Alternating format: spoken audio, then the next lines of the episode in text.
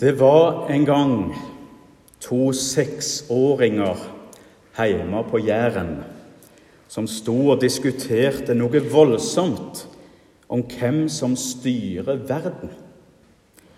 De ble til slutt enige om at det måtte være Gud og Jesus. Men så var det en fireåring som sto og hørte på, og han hadde sine tvil om dette var helt rett. Og han sa frimodig det er ikke bare Gud og Jesus, det er kommunen òg. Sånn kan det gå. Det var ikke meg, dette, altså. Og jeg tror ikke det var Tarald heller. Men ett poeng hadde denne fire år gamle jærbuen. Det var noe som mangla. For seksåringene de hadde noenlunde rett. Det var noe med Gud og Jesus men de hadde glemt Den hellige ånd. Eller Den hellige ande, som vi sier der jeg hører til. Han vi feira i forrige helg, i pinsen. Han må ikke forveksles forresten med den nokså hellige anda som står her. Og Det hender jo det dukker opp en hellig and av og til, uten å nevne navn. Gud Fader, Guds Sønn og Gud den hellige ande. Det er den treenige Gud vi samles om i kirka verden over. Ikke bare i dag på denne dagen, treenighetssøndag, den som særlig markerer trua på nettopp den treenige Gud, men hver gang vi samles, så er det i navnet åt Faderen og Sønnen og Den hellige ande. Treenighetssøndag det er den siste festen før vi går løs på den store treenighetstida. Det vi kunne kalle hverdagene i kirkeåret vårt, hvor det er grønnfargen som regjerer. Men i dag er det hvitt som er fargen. Det er fest i Guds hus, til ære om den treenige Gud som vi tror på, Faderen, Sønnen og Den hellige ande. Dere kan se han, eller de, på det arket dere fikk utdelt med salmeboka i dag. Det vakre ikonet malt av den russiske Andrej Rublev. Fra venstre så ser vi Faderen kledd i gull og blå. Sønnen i midten kledd i rødt og blått, og Den hellige ande til høyre kledd i grønt og blått. Blåfargen har de felles, som et tegn på at de er Gud. Det er himmelfargen. Gullfargen har Faderen som tegn på hans himmelske kongsmakt. Sønnen har fått litt av det over skulderen.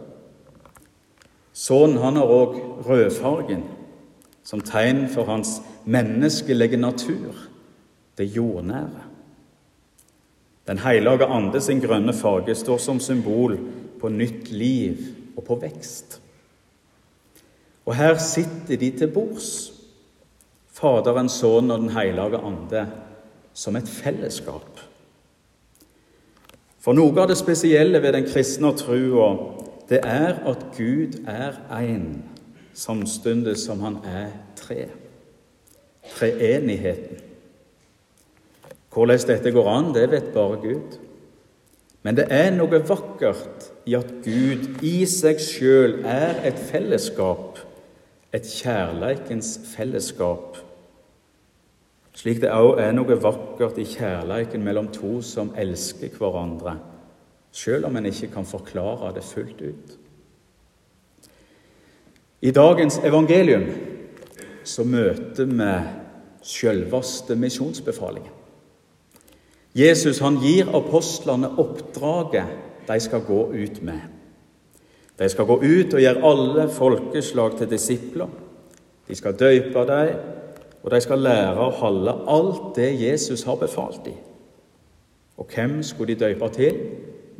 Jo, til navnet åt Faderen og Sønnen og Den hellige ande.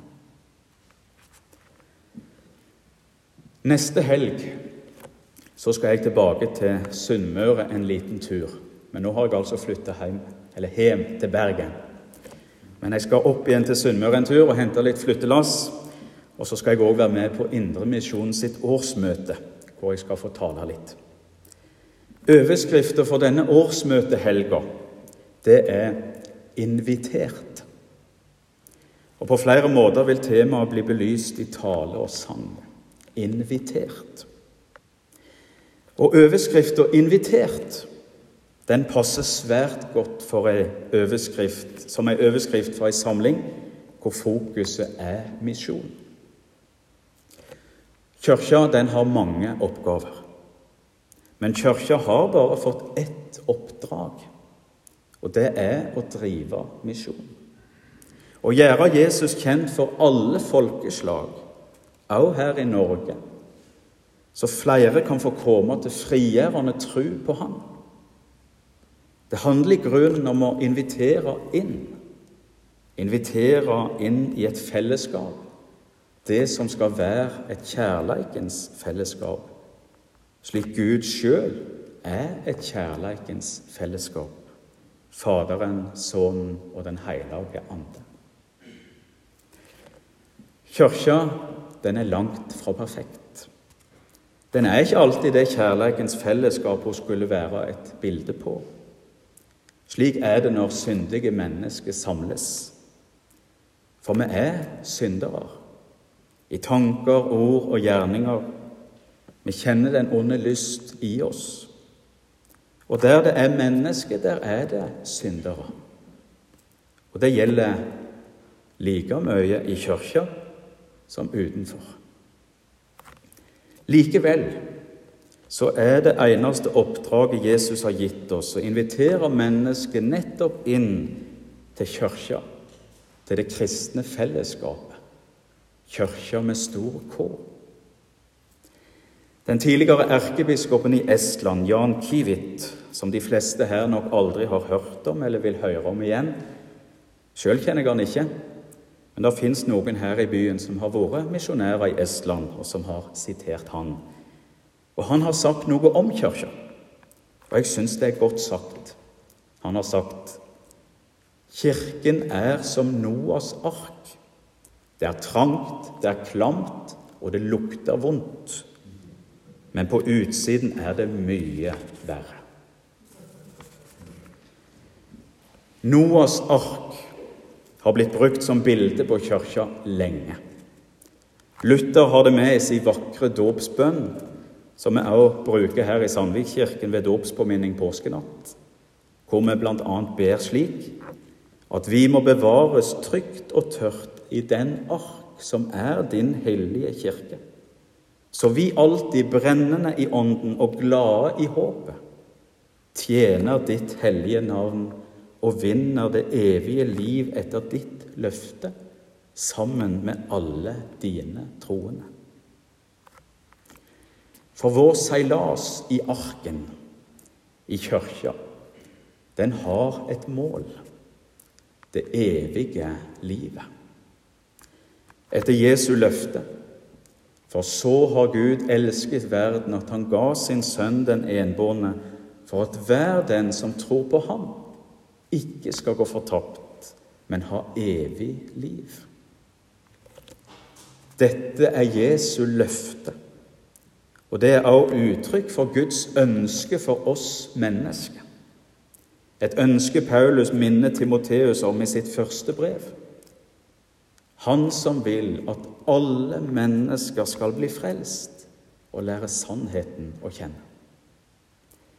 Dette er Guds djupeste ønske for verden.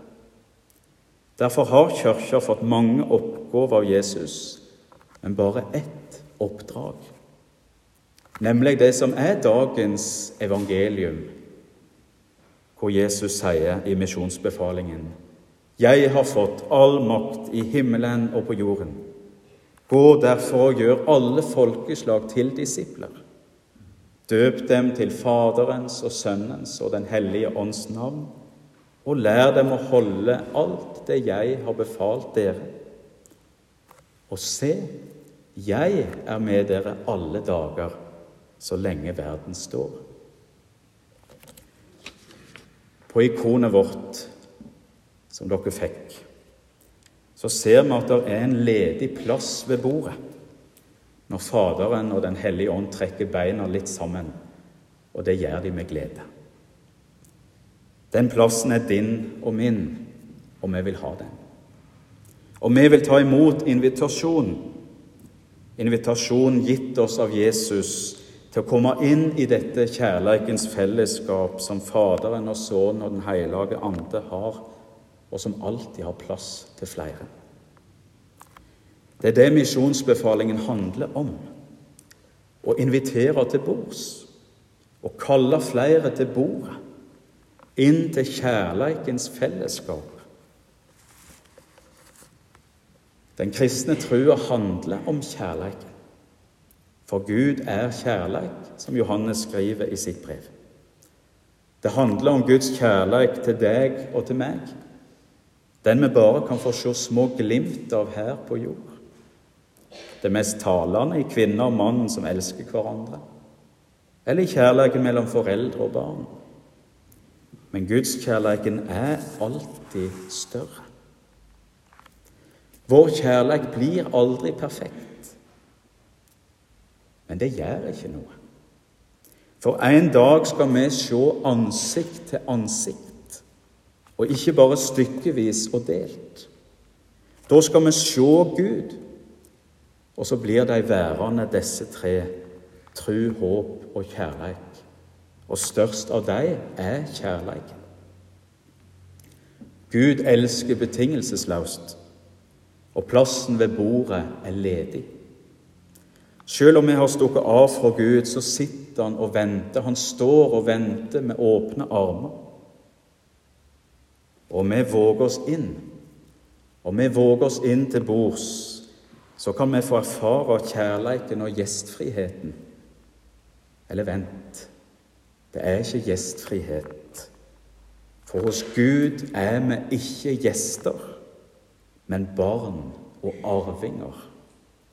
Og dette er det misjonen skal fortelle til mennesker i hele verden. Paulus han skriver i Galaterbrevet da tida var fullkommen, sendte Gud sin sønn.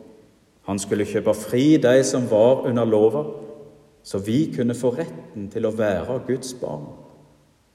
Og siden det er barn, har Gud sendt sin sønns ande inn i hjertet våre og anden roper 'Abba, far'. Derfor er du ikke lenger slave, men sønn. Og er du sønn, så er du òg arving, innsett av Gud. Misjon, det er å rope ut og invitere inn. Kom til bords. Maten er servert. Kom, for alt er gjort ferdig. Ære være Faderen, ved Sønnen i Den hellige ånd, som var, er og være skal, en sann Gud fra evighet og til evighet. Amen. Halleluja.